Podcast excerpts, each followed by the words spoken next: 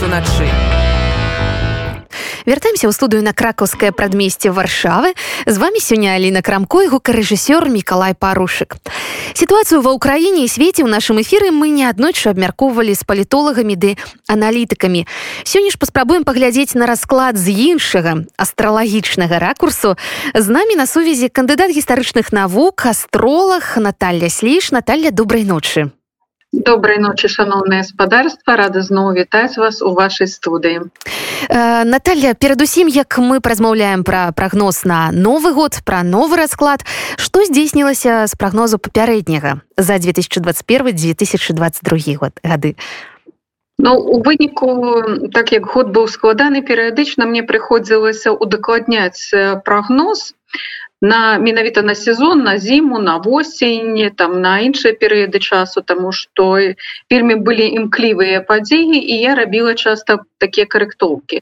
Вот с апошняга з того что я рабіла на зіму і на восень гэта быў адзін з таких прогнозаў які мяне і само засмучаў гэта вялікія вялікая смяротнасць і вялікі процент захворвання і гэты прогноз спраўдзіўся і на восені на зіму ён быў і гадавым прогнозам таксама спраўдзіліся прагнозы адносна пагаршэння сітуацыі на месцах працы звальненні.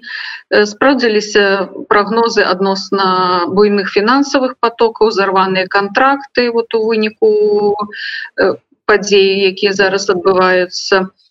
Э, сама не чакала на вот з апошніх зімовых прагнозаў. Гэта быў у знешняй палітыкі цытую даслоўна некантраляваны хаос і безвыніковыя дзеянні Ну вот яны так і атрымаліся што ў знешняй палітыкі мы прыйшлі да хаоса Таму што зараз все гэтыя адносіны абсалютна некантраляваныя сувязі з рознымі санкцыямі А вось ну і за гэты год да пачалася змена сістэмы кіравання Ну то што вот показывала гэта змена ва ўладзе стварэння, якраз такі совета бяспекі вось гэта прогноз быў на год і такая змена улад уладных структур так яна адбылася і вот будзе працягвацца ці дорыць нам некую надзею прогноз новы якія яго асноўныя акцэнты асноўная эмоцыя? Ну асноўны я не магу сказаць что у нас все будзе аптымістычна тому что мы уваходзім у яшчэ один двухгадавы цикл канфліктаў крызісаў і якраз канфлікты будуць у нас вынікаць. Это не толькі беларускі прогноз это будзе датычыцца прогнозу і по Европе і па і іншых краінах тым ліку азіяцкіх тому что старыя канфлікты асабліва тыя якія былі з 90-х яны зноў усплывуць і зноў пачнецца у серыі розных канфліктаў якія зацягнуцца мінімум на два гады і таксама будуць канфлікты рэлігійнага характару і ўсё і нават ідэалагічнага і все гэта можа зацягнуць нават і у вялікі цикл на 12 год. Ну а у кароткатэрміновым прагнозе то у нас ідзе моцнае пагаршэнне побытавай сітуацыі то есть э, многія людзі зноў уже фінансавыя будуць атрымаюць шмат стратаў і у некаторых нават і не будзе безвыніковыя сітуацыі безвыхадныя такія Вось і гэта будзе такое асноўны накірунак якраз такі эканамічнае пагаршэнне Таму што мы яшчэ акрамя беларускага эканамічнага крызіса свет уваходзіць у вялікі фінансавы сусветны крызіс які зараз пакуль што не асоба відавочны і не ідзе на павесцы але сусветны сур'ёзны крызіс ён таксама будзе ісці Ну і сувязі з гэтым якраз такі розныя будуць фінансавыя праблемы страты бізнеса вось і гэтак далей адзінае што можа быць аптымістычна гэта спрабаваць вырашыць канфлікты і не пераводзіць іх у зацяжны характар вот якраз таки это дае астрологія что спрабаваць вырашаць канфліктныя сітуацыі а не іх ператвараць у больш цяжкія складаныя что зменіць у сусветным раскладзе вайна і да чаго яна прывядзе Ну вайна яна зменіць уже практычна ўсё яна быў стала таким беспаваротным шляхам у Таму што свет і так мяняўся. Мы ўвайшлі у вялікія змены ў двадцатым годзе. і крызісныя сітуацыі могуць адбывацца паступова аднак вайна яна все працэсы значна прыспешыла гэтыя працэсы так бы пайшлі будуць змены палітычных уладаў палітычная старая эліта яна уже не ў стане кіраваць. І бачна што метады вырашэння праблем практычна у яе няма. І гэта заводзіцца ў чарговы крызіс. Таму вот вайна яна памяняе і эканамічны расклад. Тому что прыйдзецца вырашаць пытанні эканамічныя зварот да новых ресурсаў гэта не будзе зараз гэта будзе ў перспектыве. І у энергетычныя ресурсы будуць мяняцца уже пасля 25 -го года. Тому як бы яна памяняе і сферы уплыву памяняе краіны уплыву перагляд будзе рублі краін лідараў злучаных штатаў еўрапейскіх краін. То есть э, геапалітычная сітуацыя вельмі істотна памяняецца тому что канфлікт э, у Еўропе ён будзе моцна паўплываць у тым ліку на расклад і на азіяцкіх тэрыторыях. Так что і многія рэчы канфліктныя справакуюцца і все будзе вырашацца хутка і праз канфлікты. То есть то что можна было вырашыць как бы разважліва спокойно тут зараз тэрмінова будет усё вырашацца А калі казаць пра сітуацыю нашу лакальную у беларусі ці будуць і надалей адбывацца змены ў краіне? І калі будуць то які гэта будзе характар гэтых зменаў? то характер зменаў будзе крызісны тому что Беларусь все ж таки як увайшла ў сістэмны крызіс такі яна у гэтым гэтым крызісе будзе ісці далей і гэты год крызіс усёй сістэмы розных структур улады ён будзе і далей ісці. і зноў жа будзе ўплываць знешнепалітычная сітуацыя тому что палітычнае кіраўніцтва краіны будзе знаходзіцца под моцным уплывам знешніх абставінаў і будуць многія рашэнні прымацца у залежнасці ад склаўшейся сітуацыі у рэгіёне і таму у гэтым плане у нас у моцная такая будзе залежнасць Ну і таксама будзе моцны прэсінг на Беларусь. І пра і у тым ліку не не значыць што ён правільны гэты ціск але тым не менш калі не вельмі блізка тэрытарыальна мы знаходзімся ад падзей то тут без уплыву канешне не абыдзецца і не самага лепшага уплыву тым ліку і фінансавага і палітычнага А ўвогуле на якія сферы жыцця варта звярнуць асобную увагу ну скажем так шэрагоўцу адкуль будзе сыходзіць непаспека? Пра што памятаць пра што дбаць? Ну эканамічная небяспека яна будзе ісці адназначна і канешне у гэтым плане калі ёсць магчымасць дзесьці себя подстрахаваць э, фінансава у нейкіх закупках ці еще чым-нибудь ну, то есть звычайныя фінансавыя перасцярогі это адназначна на гэта трэба звярнуць увагу. Небяспека конечно она можа быть і нават асабістая хотя это не толькі у беларусе зараз небяспечных краін но і побач з беларусі будзе шмат і в прынцыпе агульна будзе вельмі шмат небяспечных сітуацый и Таму што можна тут только сказаць уважліва ставіцца да інфармацыі прадумваць свае дзеянні і таксама тут важна глядзець у плане працы глядзець і падпрацоўкі поэтому тут звычайныя сітуацыі можна нават выкарыстоўваць вопыт які ўмеўся у наших продкаў у экстрэмальных сітуацыях. Так что тут і да гэтага можна звярнуцца таксама. Дарэчы экстрэмальная сітуацыя з якім перыядам у гісторыі можна параўнаць тое што адбываецца цяпер наколькі сапраўды час якімі прыжываем час экстрэмальны ў нейкім сэнсе? Ну сказаць что такога ніколі не было нельга сказаць таму что напрыклад можна сказаць что 90е гэта была репетицыя вот все дзеяны моцна звязаныя з процессами якія былі ў 90 у 90-х годах распад ссср. І гэта быў огромный крызіс і эканамічны у тым ліку і небяспека і вайсковыя падзеі то есть вот не самое далёкае мы можем параўнаць это 90-е гады это это як бы гэтыя сітуацыі вярнуліся яны нават астралагічна показаны былі что эта сітуацыя вернуцца і будзе тое ж самыя пытанні разбірацца. Гэта вот да пытання того калі крызіс не вырашаецца нормально ў свой час ён все роўна прыйдзе. Ну і таких праблемных момантаў. 20 стагоддзя таксама мае шмат прыкладаў і міжваенны час ён такі ж многія кажуць што вельмі блізкая сітуацыя до 39 -го года.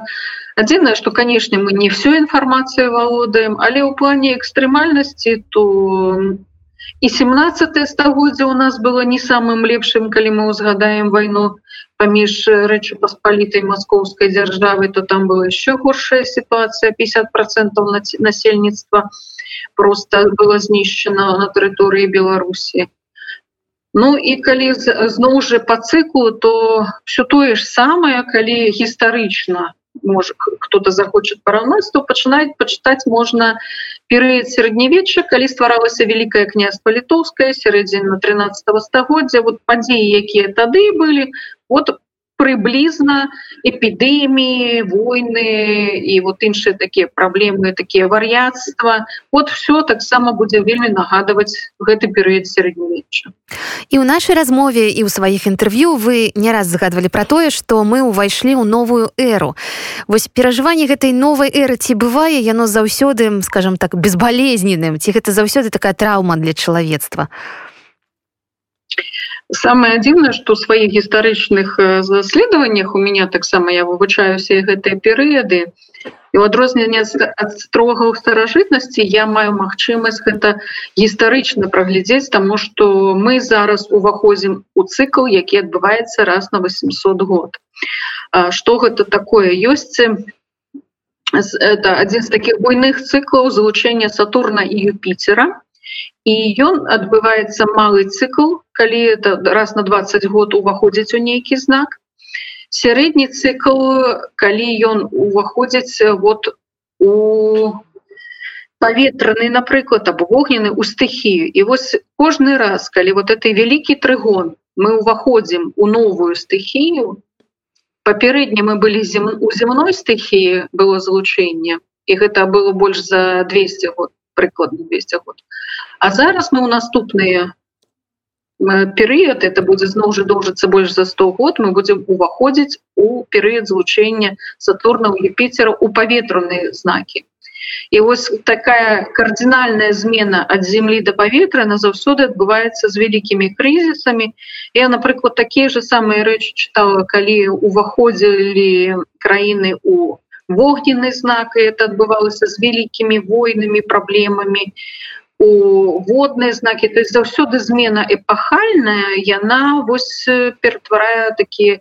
сур'ёзныя рэчы і вот такая эпахальная змена это было калі апошні раз калі ўваходзіла это было больш за 800 год назад у паветраную сферу тады меняліся краіны меняліся сістэмы ўлады у тады новыя навуковыя рэчы з'яўляліся але зноў жа гэта заўсёды непросто я таксама вельмі спадзявалася что двадцатый год коронавірус ну как-то цяжка но мы перажывем а далей будзе легче оказывается что все ж таки змены такія будут ісці сур'ёзныя і і чалавецтва будзе напэўна ісці по пагаршэнню шляха тому что у калі б яно прадумала як выходзіць з крызіснага перыяда або праходзіць яго не так жорстка то ўсё ж такі былі бы прыняты нейкія меры. А тут робіцца ўсё каб горш і горш. Тому я боюсь что это можа зацягнуцца такія рэчы до 25 -го года калі не даўжэй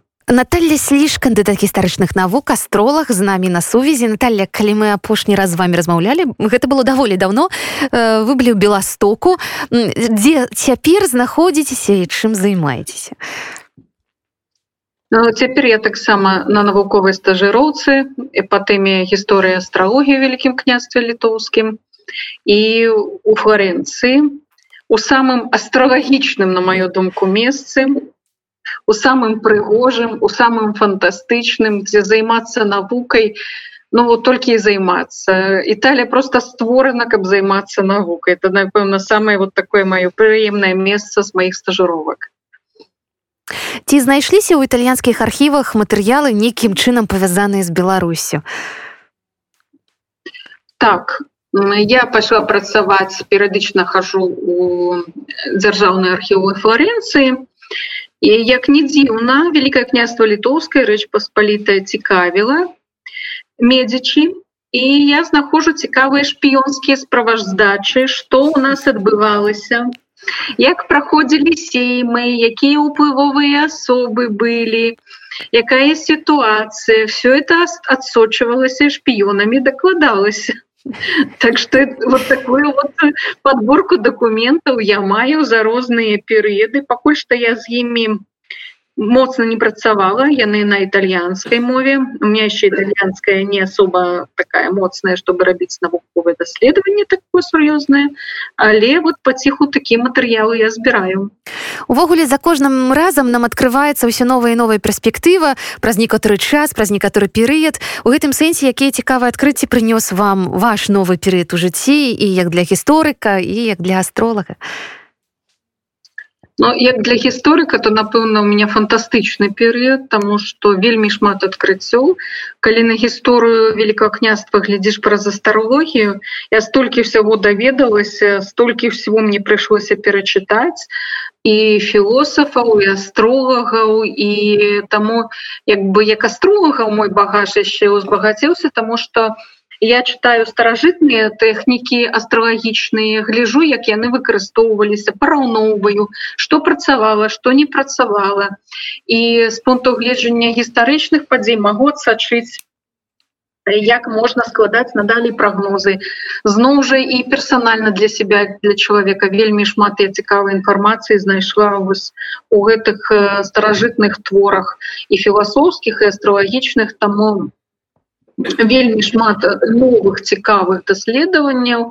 Зараз я их паступова фармірую у артыкулы і под ціху буду друкаваць. Вот некаторыя уже публікацыі у меня вышлі вот у беларускім гістарычным часопісе у беластоку выйшла моя вялікая публікацыя там я надрукавала астралагічныя тэксты якія былі перакладзеныя на грэческую мову і якія належалі да супрасельского монастыря вот я зараз і гэтым накірункам займаюся таму я могу сказать канешне такі даволі паспяховы перыяд навуковы Дарэчы астралогія гэта тая навука якая ніколі не перарывалася ў сваім гістарычным развіцці. Ці ўсё ж таки былі такія э, яўныя залатыя перыяды для астралогіі і скажем трошки спады як все гэта адбывалася за апошнімі стагоддзямі?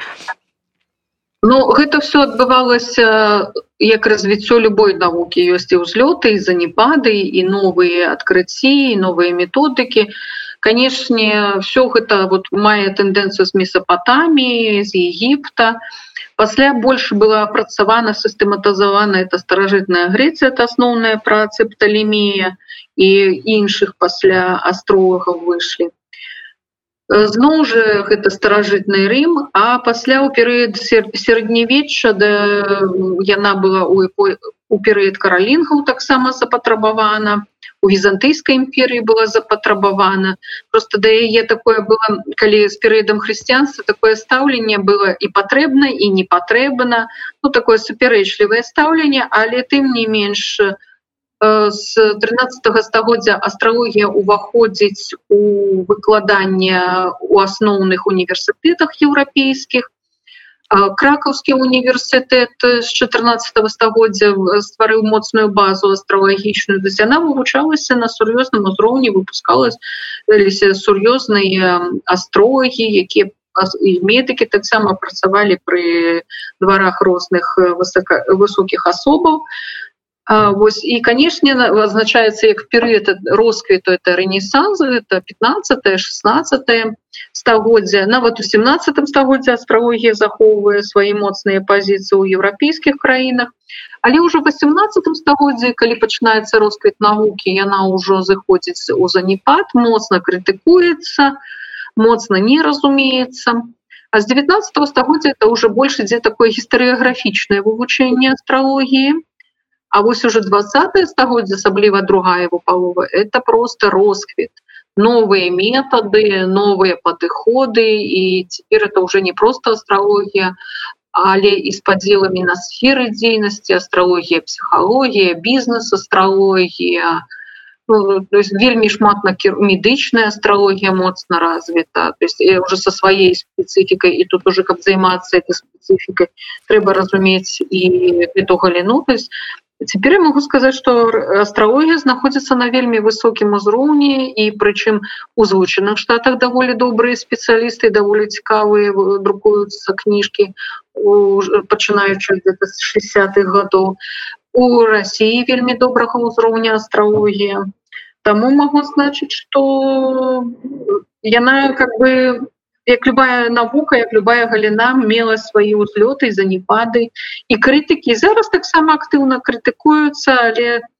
цяпер яна карыстаецца надзвычайнай папулярнасцю. Ну, так і мае практычнае значэнне. Дарэчы як пашырыўся за апошні час спектр накірункаў ваших кансультацый? Ну, цяпер у меня вельмі запатрабаваная стала кансультацыя прагностыкі. То есть люди просяць каб я склала графік што і як будзе у які перыяд і вот я календарны такой графік складаю якія будуць э, праблемы ці якія магчымасці тому что прагноз дае такія рэчы калі праблема то хоць ведаць што яна будзе прыняць. А калі ёсць перыяд калі сустракаюцца магчымасці то яго максімальна выкарыстаць у розных сферах абсалютна там э, і ў контрактах там і ў працы і нават для адпачынку таксама трэба выбіраць добры перыяд каб адпачынак быў прыемны э, таксама вы звяртаецца з такімі рэчамі як самаразвіццё э, якія на якія сферы звярнуць увагу прафесійныя сферы то как бы спектр пашырыўся і таму як бы я даю еще не толькі такія астравагічныя кансультацыі але і звязаныя з астракарекцыяй самаразвіццём таксама тому что становіцца вельмі такая рэч э, таксама запатрабаваная яшчэ трошки пра асабістыя мы казалі пра новыя перспектывы як для гісторыка для астролага а ўвогуле якія новыя перспектывы ў плане асабістым вам открывае новая старонка ў жыцці вы зараз знаходзіцеся ў новай краіне ў новым горадзе что гэта за адчуванні ну прычым горад не самы просты мякка кажучы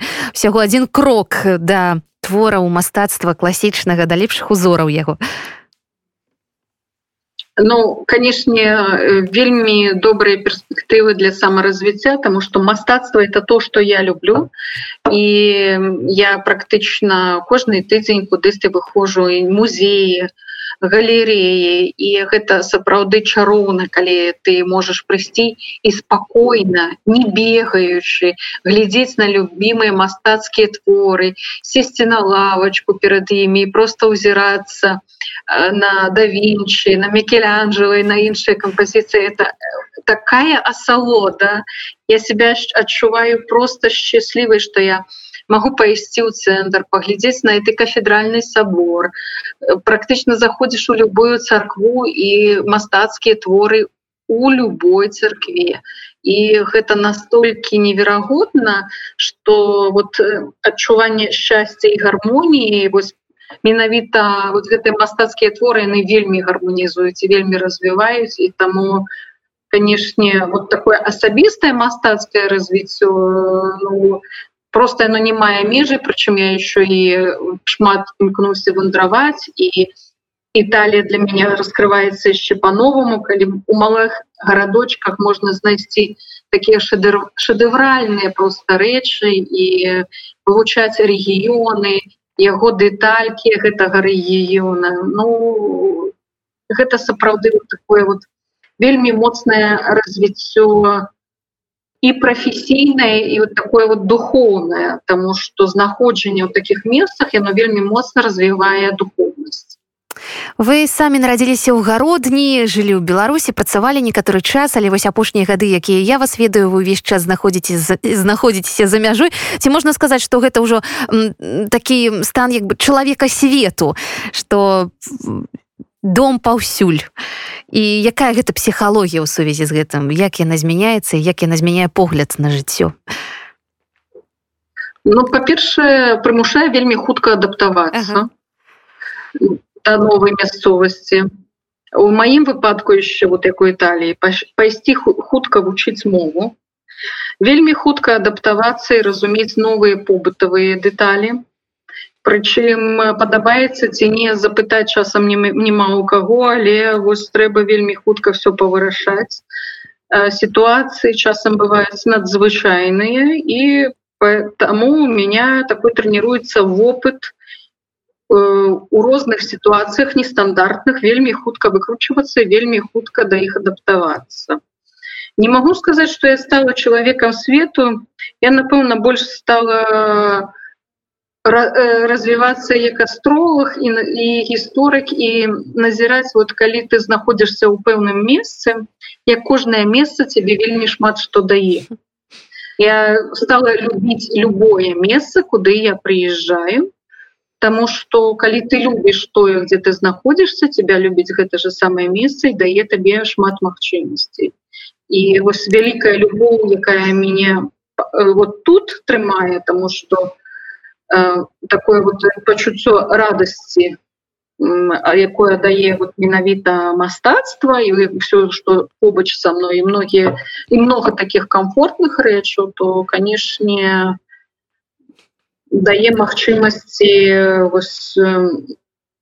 такога не гледзячы на розныя праблемныя моманты умець прыняць усё уметь прыняць усё добрая кропка для завяршэння нашай размовы але будзе яшчэ одно пытанне ізноў зноў паглыбляючыся ў архівы вывучаючы гісторыю астралогію ці змянілася чалавецтва да якой высновы можна прыйсці